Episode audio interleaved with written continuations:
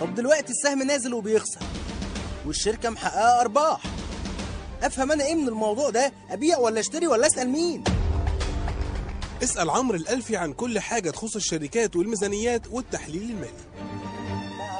في برنامج مع الألفي على راديو مباشر راديو الاقتصاد الأول في الشرق الأوسط. تابعوه الاثنين من السابعة مساء وحتى الثامنة بتوقيت القاهرة.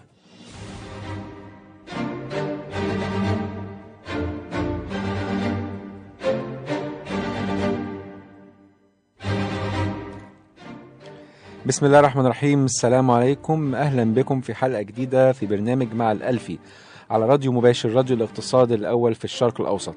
معاكم على الهوا عمرو الألفي ومعايا على الميكسر آه، آه، النهارده الحلقة بتاعتنا النهارده يمكن بنتكلم على التقييم وال valuation يمكن الحلقات اللي فاتت الفترة اللي فاتت اتكلمنا على التحليل المالي بصفة عامة وقلنا الأدوات التحليل المالي الأساسية بتاعتها بما إنه تحليل أساسي. الأساسيات بتاعته قلنا القوائم المالية وإزاي ممكن نبص على القوائم الماليه بصورة سريعة إذا كانت قائمة الدخل أو قائمة الميزانية اللي هي ال balance sheet أو قائمة التدفقات النقدية.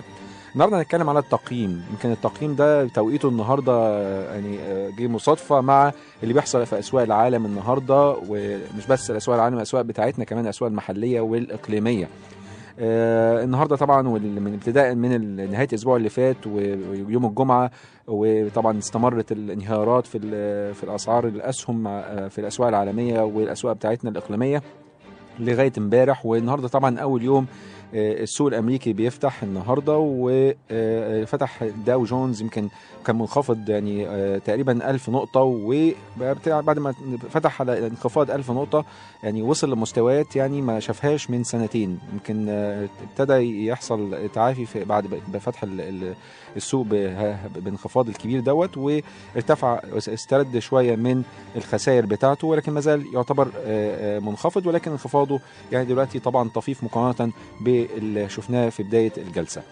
طيب النهارده بنتكلم على التقييم. طب إيه اللي بيحصل؟ التقييم يعني آه، هل التقييمات قلت فجأة ولا الأسعار دي نزلت ليه؟ يعني قبل ما نتكلم على التقييم محتاجين نبص نظرة تاريخية على التقييم دوت يعني أساسه إيه؟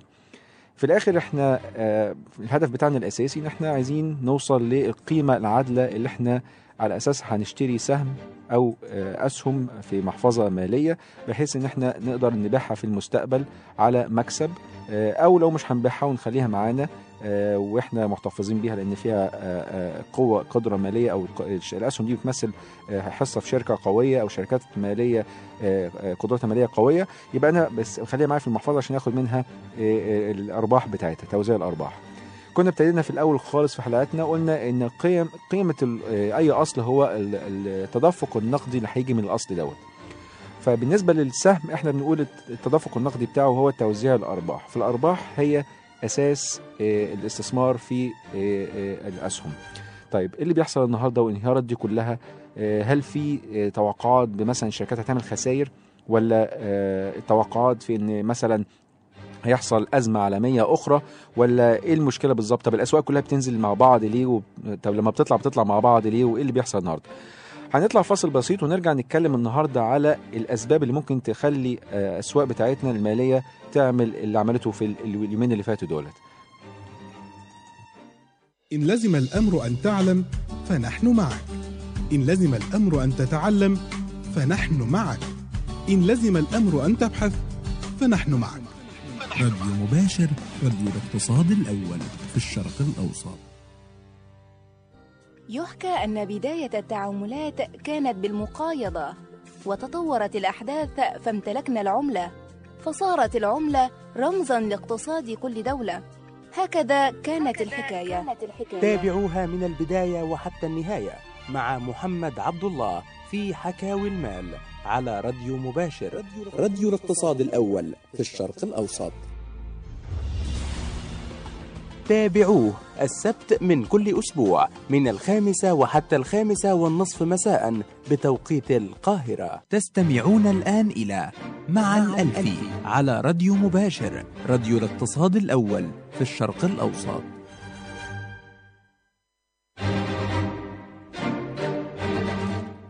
أهلا بيكم مرة تانية معاكم عمرو الالفي على الهوا ومعايا على الميكسر اسلام عادل.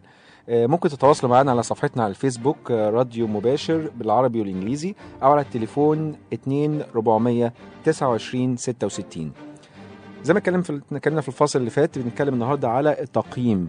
آه، وازاي اقيم سهم طب الأسواق النهارده واليومين اللي فاتوا الأسواق العالمية كلها بتنهار أو بيحصل آه، فزع. وال panic دوت آه، أثر على مش بس آه، الأسهم لأ كمان أثر على بعض العملات خصوصا عملات الأسواق الناشئة. آه، زي مثلا آه، عملة آه، آه، آه، كازاخستان كمثال آه، عملة مثلا الراند في جنوب أفريقيا. آه، اللي بيحصل إيه بالظبط؟ إحنا عندنا طبعا اتكلمنا في الأول خالص إن إحنا بنيجي نستثمر بنستثمر في ممكن في فئات أصول مختلفة. من ضمنها طبعا آه، آه، الأسهم.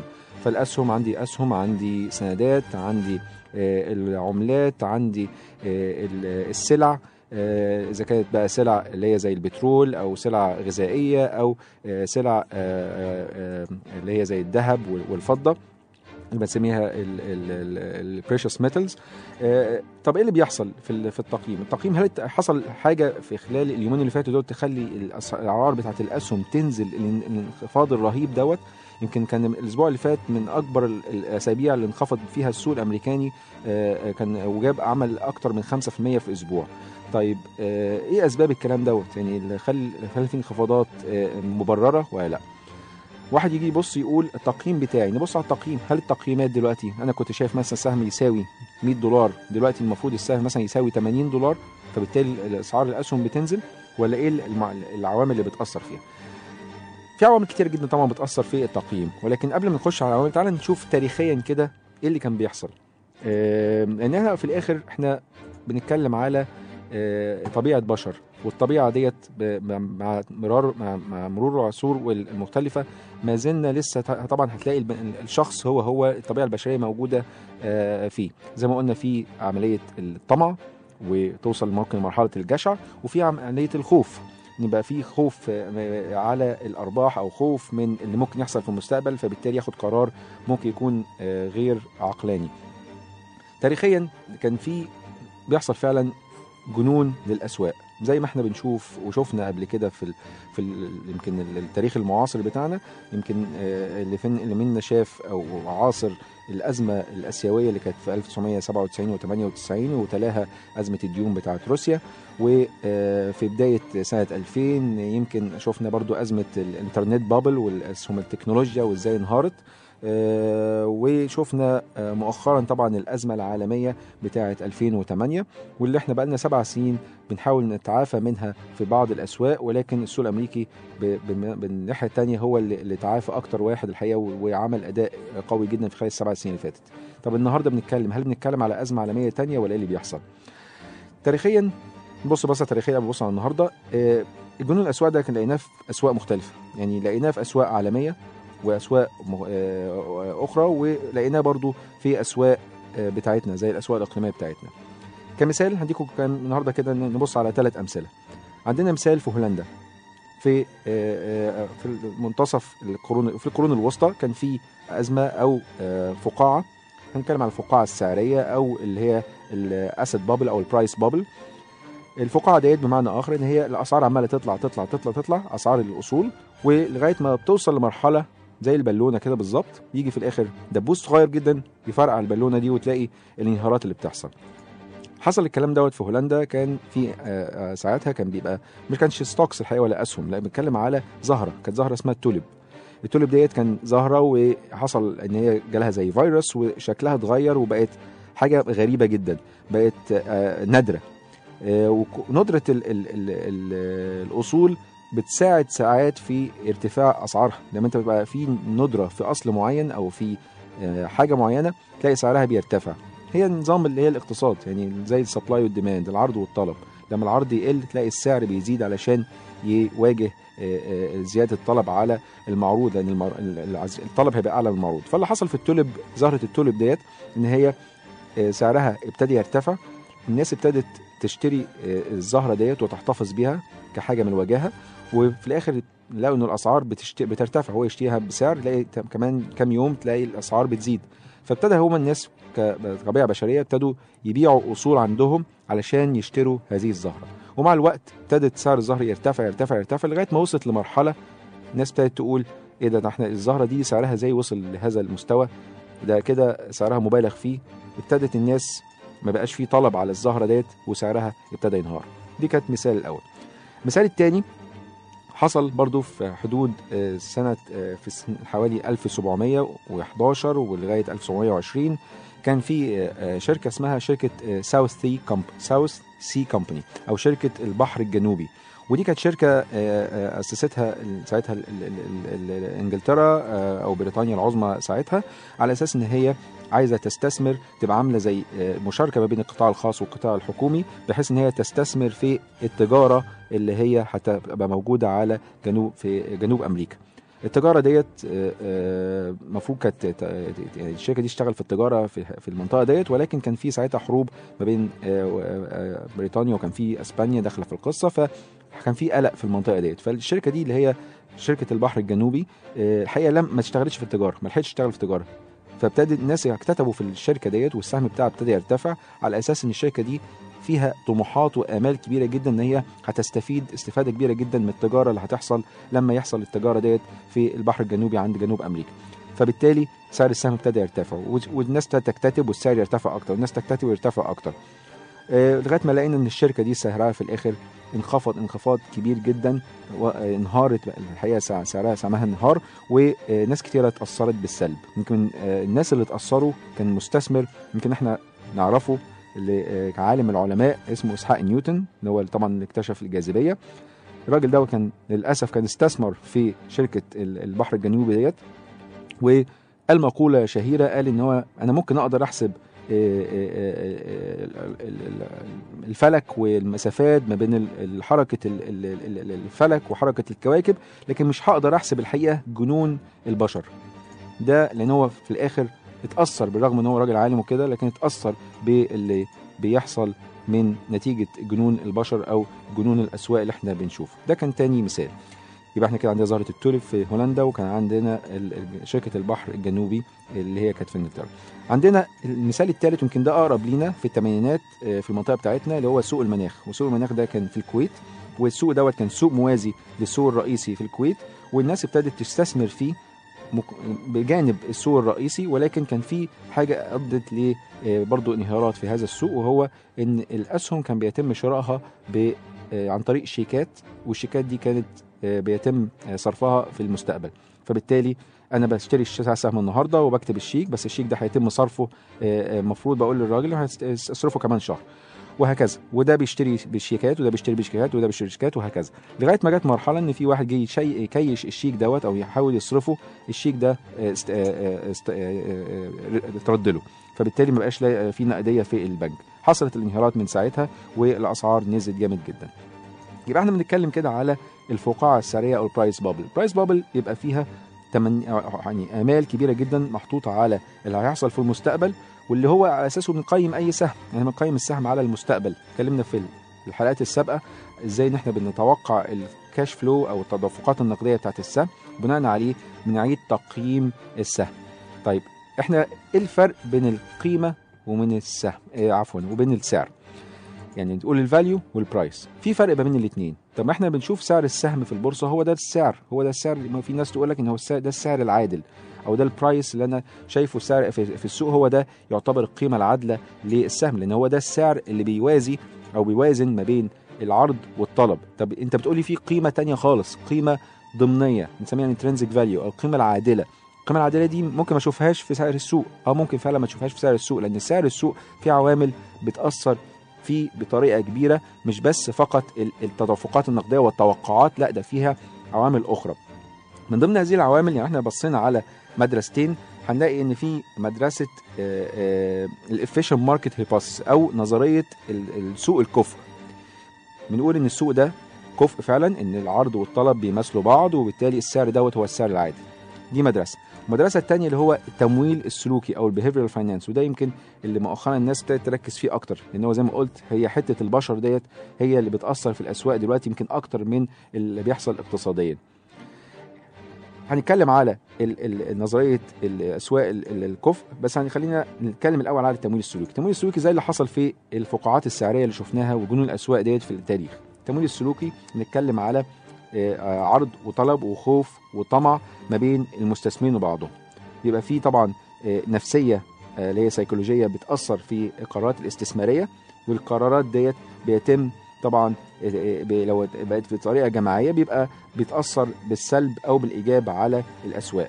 ويمكن أنا عندي نظرية كده برضو أو مش مش النظرية بتاعتي بس هي نظريه بيتكلموا عليها برضو أنا بحب أستخدمها على طول اللي هي نظرية آه، النبوءة ذاتية التحقق. أو self-fulfilling prophecy يعني إيه؟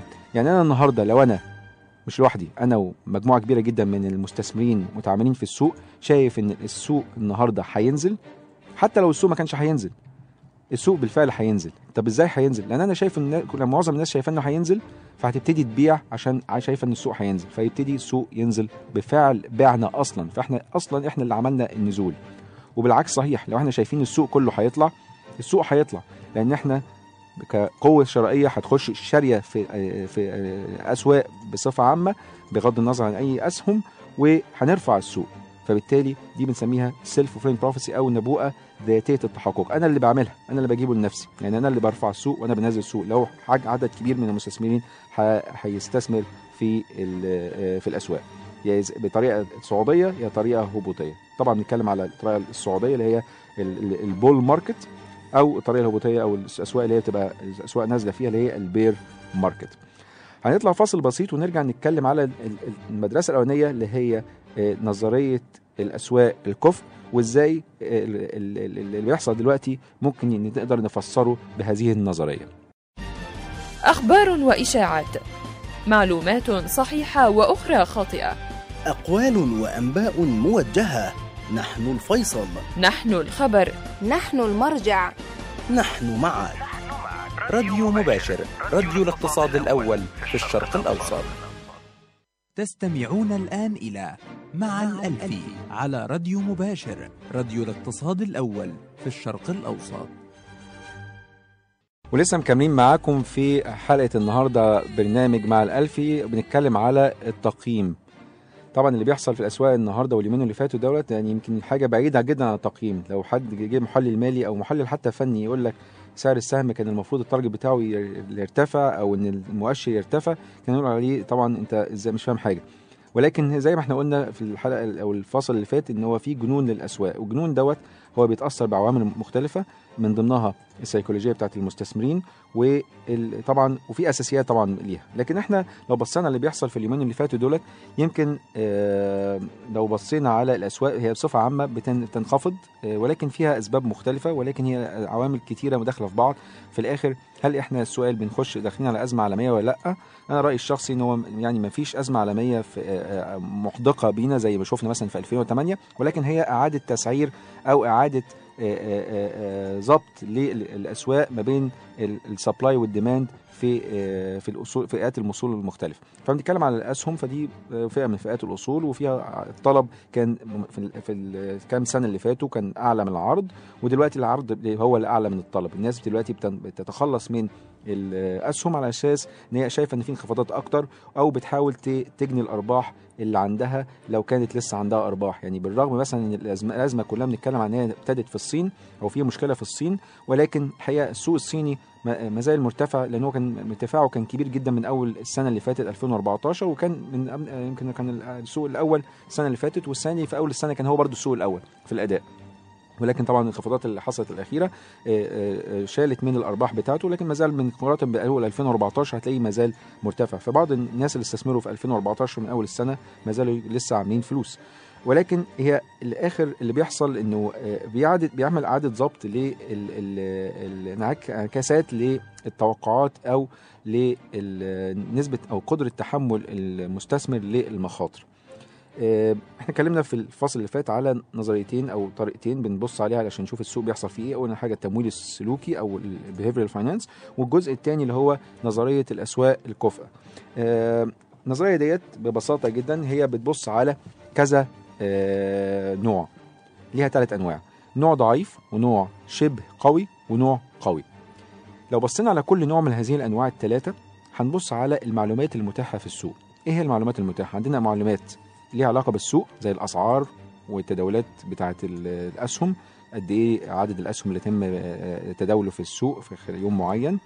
آه، عندنا دي حاجات ليها علاقة بالسوق. عندنا حاجات ليها علاقه ملهاش علاقة بالسوق. زي مثلا آه، الشركة نفسها الأداء التشغيلي بتاعها عامل إزاي؟ ده ملهاش علاقة بالتداولات نفسها لكن هي ليها علاقة بالاداء التشغيلي بتاع الشركة. عندنا معلومات متاحة للعامة. دي بالنسبة للمعلومات. وعندنا معلومات غير متاحة للعامة. طيب بالنسبة لو لو بصينا على الأربع حاجات دولت أو هم هنقسمهم إن هم عبارة عن جزئين جزء آه، آه، معلومات ليها علاقة بالسوق أو ملوش علاقة بالسوق أو الجزء الثاني اللي هو معلومات عامة متاحة لل- للعامة أو معلومات خاصة مش متاحة للعامة. بالنسبة للنظرية أو النوع الضعيف بيقول إن الأسعار الأسهم بتاع بتع- بتعكس المعلومات بتاعة السوق اللي هي ال- ال price وال volume وبتعكس المعلومات اللي هي متاحة للعامة.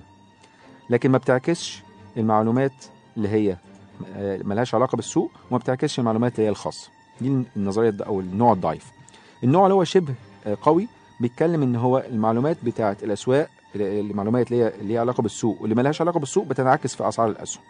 ولكن المعلومات ال- العامة فقط هي المنعكسه في الأسهم. يبقى معنى كده إن بس المعلومات الغير عامة اللي هي الخاصة اللي محدش يعرفها إلا الناس اللي هم داخليين محدش يعرفها في السوق غيرهم. ولكن في النوع الثالث وهو النوع القوي بيقول لا إن كل حاجة متاحة كل حاجة متاحة. أي حاجة معلومة إذا كانت عامة أو غير عامة أو معلومة ليها علاقة بالسوق أو ملهاش علاقة بالسوق منعكسة في سعر السهم في البورصة. ويمكن ده اللي على أساسه التحليل الفني بي بي بيقول إن سعر السهم في البورصة بيعكس كل هذه ال- ال- المعلومات. ولكن لو بصينا ببساطة جدا لو إحنا قلنا إن عندنا الأسواق بتاعتنا المفروض فعليا تبقى كفء بمعنى إن ما يبقاش فيه يعني استغلال المعلومات الداخلية اللي هو اللي بنسميه insider trading دوت معناه إن حد اللي عنده معلومة غير عامة معلومة داخلية مش هيقدر يتداول فيها في السوق. فنظريا المفروض ما ينفعش يبقى عندنا آه، آه، الحالة اللي هي ال- الشبه الحالة اللي هي القوية ديت اللي هي ال strong form أو اللي هي ال- النوع القوي من نظرية السوق الكفء ولكن إحنا آه، هنكون أقرب لشبه آه، آه، قوية اللي هو النوع الشبه قوي.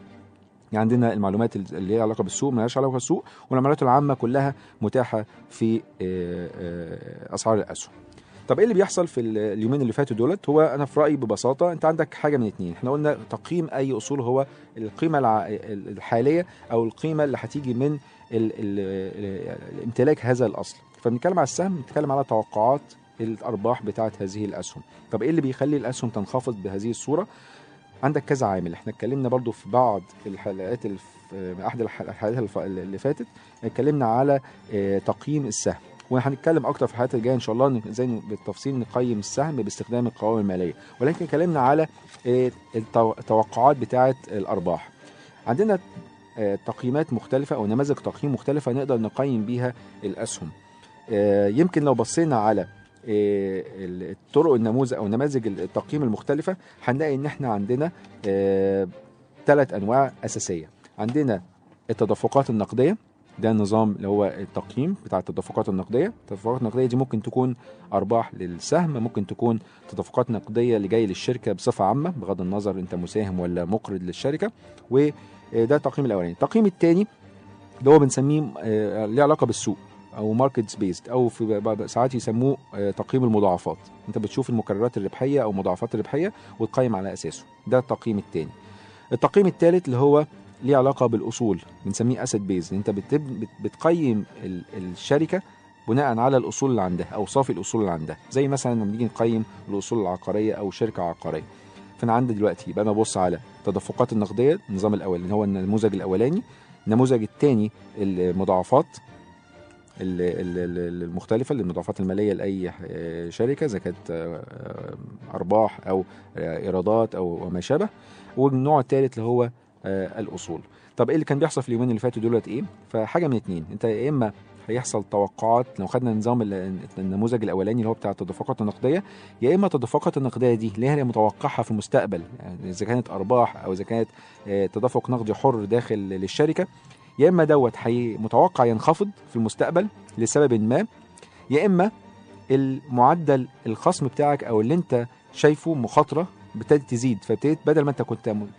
عايز عائد ما تطلب عائد 20% يعني انت دلوقتي بتطلب عائد أكتر من 20% فبالتالي عشان يجي لك العائد أكتر من 20% دوت انت لازم السهم تشتريه بأرخص من سعره في السوق علشان تعمل العائد ابو 20% ده. انت حاجة من اكشن عندك ثلاث ثلاث اختيارات. يا التدفق النقدي ينزل يا إما ال- العائد اللي انت طالبه يعلى يا إما يحصل الاثنين مع بعض. فبالتالي إحنا اليومين اللي فاتوا دولت في توقعات آه، ابتدت تظهر آه، أو ابتدى الناس تغير رؤيتها لعدة أسباب. أول سبب من هذه من ضمن هذه الأسباب وهي أسباب عدة عدة كتير ولكن إحنا بنتكلم على الأسباب الأساسية هو انخفاض طبعا سعر البترول إن ده بيعكس آه، قلة الطلب على ال- ال- التصنيع بصفة عامة وبالتالي ده معناه مؤشر إن في تباطؤ عالمي ممكن يحصل. ده حاجة. الحاجة الثانية بصينا على الصين. الصين ابتدت تطلع بيانات إن هي في تباطؤ عندها معدلات النمو الحقيقي بتاعها بدل ما كنا بنتكلم على 7% وأكتر من كده سنويا دلوقتي بنتكلم على أقل من 7% بنتكلم على 5 6% ولكن آه، ال ال ال القصة كلها مش في كون الصين هتنمو ب 6% ولا 7% ولكن اللي. اللي يتبع الصين لأن يعني الصين بتنتج ومؤخرا برضو ابتدت مؤشرات التصنيع بتاعت الصين تبان إن هي ضعيفة مقارنة بسابقها ولكن اللي يهمني أكتر إن هو في دول بتعتمد على الصين بتصدر للصين ال- ال- المواد الخام إذا كانت زي أستراليا أو اذا كانت مثلا جنوب أفريقيا بيصدروا المواد الخام ديت وبالتالي لو حصل تباطؤ في الصين حتى لو تباطؤ ضعيف أنا كدولة بصدر للصين هتأثر بالسلب وبالتالي أنا هقدر هلاقي إن أنا آه، الطلب على البضاعة بتاعتي بيقل وبالتالي معدلات النمو في هذه الدول اللي هي مرتبطة آه، ارتباط بالتداول التبادل التجاري مع الصين هتتأثر بالسلب. برضو حاجة تالتة إن هو آه، آه، الصين ابتدت آه، تخفض نسبيا العملة بتاعتها ولكن التخفيض دوت الحقيقة كان نسبي وليس تخفيض بصورة كبيرة اللي هو حوالي 2 3% آه، ولكن هو طبعا لو قارنته بالتخفيض اللي كان بيحصل مثلا في الين الياباني كان تخفيض الين الياباني كبير بصورة كبيرة جدا فالصين لما تنزل 3% ده حاجة بسيطة ولكن هي مؤشر الناس يمكن متخوفة إن هو لما بتيجي تخفض يبقى أنت كده هتعمل آه، هتزود آه، آه، أو تضعف قيمة العملة الصينية وبالتالي آه، في منافسة كده. لو أنا بنتج حاجة والصين بتنتجها الصين هتبقى بتنتج بالصورة آه، بأسعار أرخص مني. فبالتالي أنا كدولة هتلاقيني بضطر إن أنا أحاول أضعف العملة بتاعتي علشان أنا أقدر أنافس آه، في الأسواق العالمية. فهنلاقي مثال آه، آه، لهذا ال- الموضوع اللي حصل. آه، دولة زي كازاخستان آه، خفضت العملة بتاعتها بحوالي فوق ال 20% علشان تواكب آه، الانخفاضات اللي بتحصل في العملات الأخرى أو تواكب برضو ارتفاع الدولار في الفترة الس- السابقة. أو الفترة الماضية طبعا الدولار كان بيرتفع قصاد العملات ال- ال- الأخرى وسله العملات ال- الأخرى كان في المتوسط. فبالتالي هي عايزة تحافظ على الاحتياطي الأجنبي بتاعها فابتدت تخفض هي كمان عملتها. وبالتالي آه، آه، حصل آه، انخفاض كبير في آه، آه، في العملة بتاعتها عشان تحافظ على الاحتياطي ده بالنسبة للي حصل اليومين اللي فاتوا. طبعا إحنا لسه بنتكلم على اللي ممكن يكمل هل الانخفاضات دي هتكمل ولا لأ. شفناها في الأسواق بتاعتنا الإقليمية طبعا انخف- انخفاضات مكملة. وشفنا النهارده في بداية الجلسة بتاعت أمريكا طبعا انخفاضات كبيرة. ولكن سرعان ما لقينا إن المستثمرين اللي هم بيشتروا دلوقتي شايفين إن هو في قيمة في هذه الأسهم ابتدوا يخشوا كقوة شرائية وابتدوا يعادلوا نسبيا الانخفاضات طيب إيه بيشوف القيمة القيمة دي إيه؟ ما إحنا بنتكلم على القيمة وبنتكلم على الأسعار. ما هي السعر هو القيمة ولا هو القيمة ده حاجة تانية غير السعر؟ إحنا قلنا السعر اللي هو اللي بيوازن ما بين العرض والطلب في لحظة ما. ولكن القيمة القيمة ديت مش لازم تشوفها النهارده. هي القيمة دي ممكن تبقى تيجي لك بكرة ممكن تبقى في المستقبل البعيد ممكن تبقى في المستقبل القريب. هستعير مقولة شهيرة يمكن للمستثمر العالمي طبعا هو وارن بافيت آه، أحد المستثمرين اللي بيستثمروا بناء على التحليل الأساسي. والراجل دوت يعني مش كل قراراته الاستثمارية آه، آه، طبعا آه، 100% صح ولكن في معظمها طبعا ومجملها صح. وهو قال مقولة من ضمن المقولات اللي قالها الشهيرة.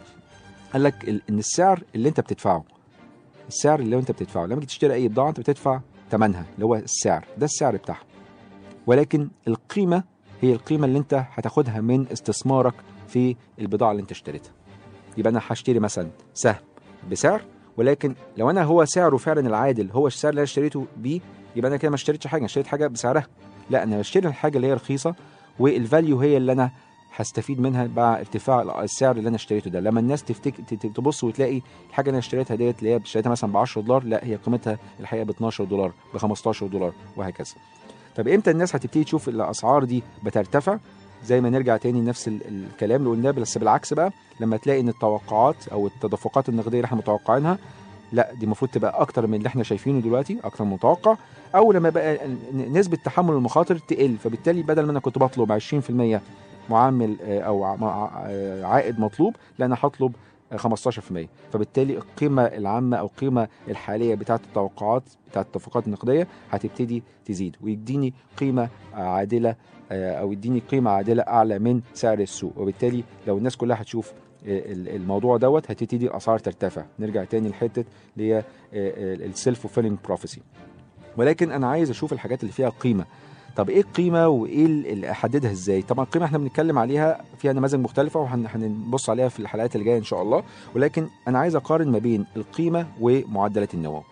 هنطلع فاصل ونرجع نبص سريعا كده على القيمة مقارنة بالنمو ونكمل معاكم كمان شوية. أنا كمواطن عاقل راشد وكبير كده ليه أسمع راديو اقتصادي؟ ببساطة هتكسب فلوس. راديو مباشر راديو الاقتصاد الأول في الشرق الأوسط.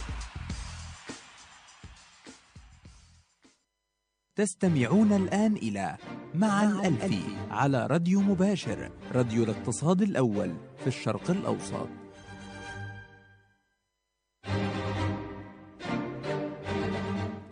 ولسه مكملين بنتكلم النهارده على التقييم. آخر الفاصل كنا بنتكلم على القيمة مقارنة بالنمو أو ال value versus growth إيه هي القيمه versus ال growth دوت؟ أو القيمه ال- ال- ال- عفوا القيمه versus النمو الإنجليزي والعربي دخلوا في بعض.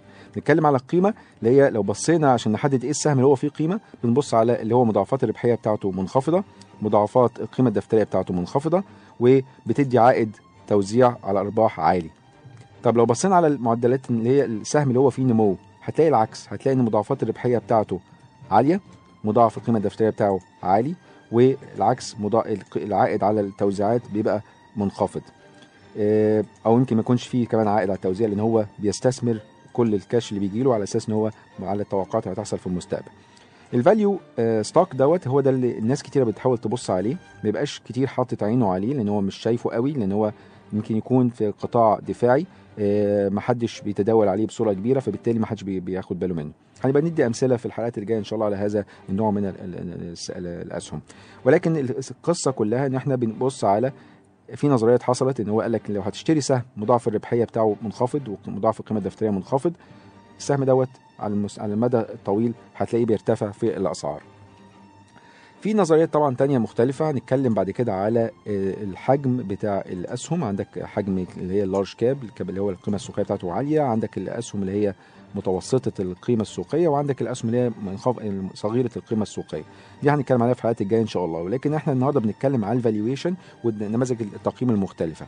يمكن أول نموذج اللي إحنا اتكلمنا عليه اللي هو خصم التدفقات النقدية هو بخصم التوزيعات النقدية المتوقعة. إحنا قلنا إن التو- التوزيعات النقدية دي ممكن تبقى فيه توقعات بارتفاعها أو بانخفاضها وعلى أساسه التقييم ممكن يرتفع أو ينخفض. ولكن اللي عايز اركز أكتر على ال risk أو المخاطرة.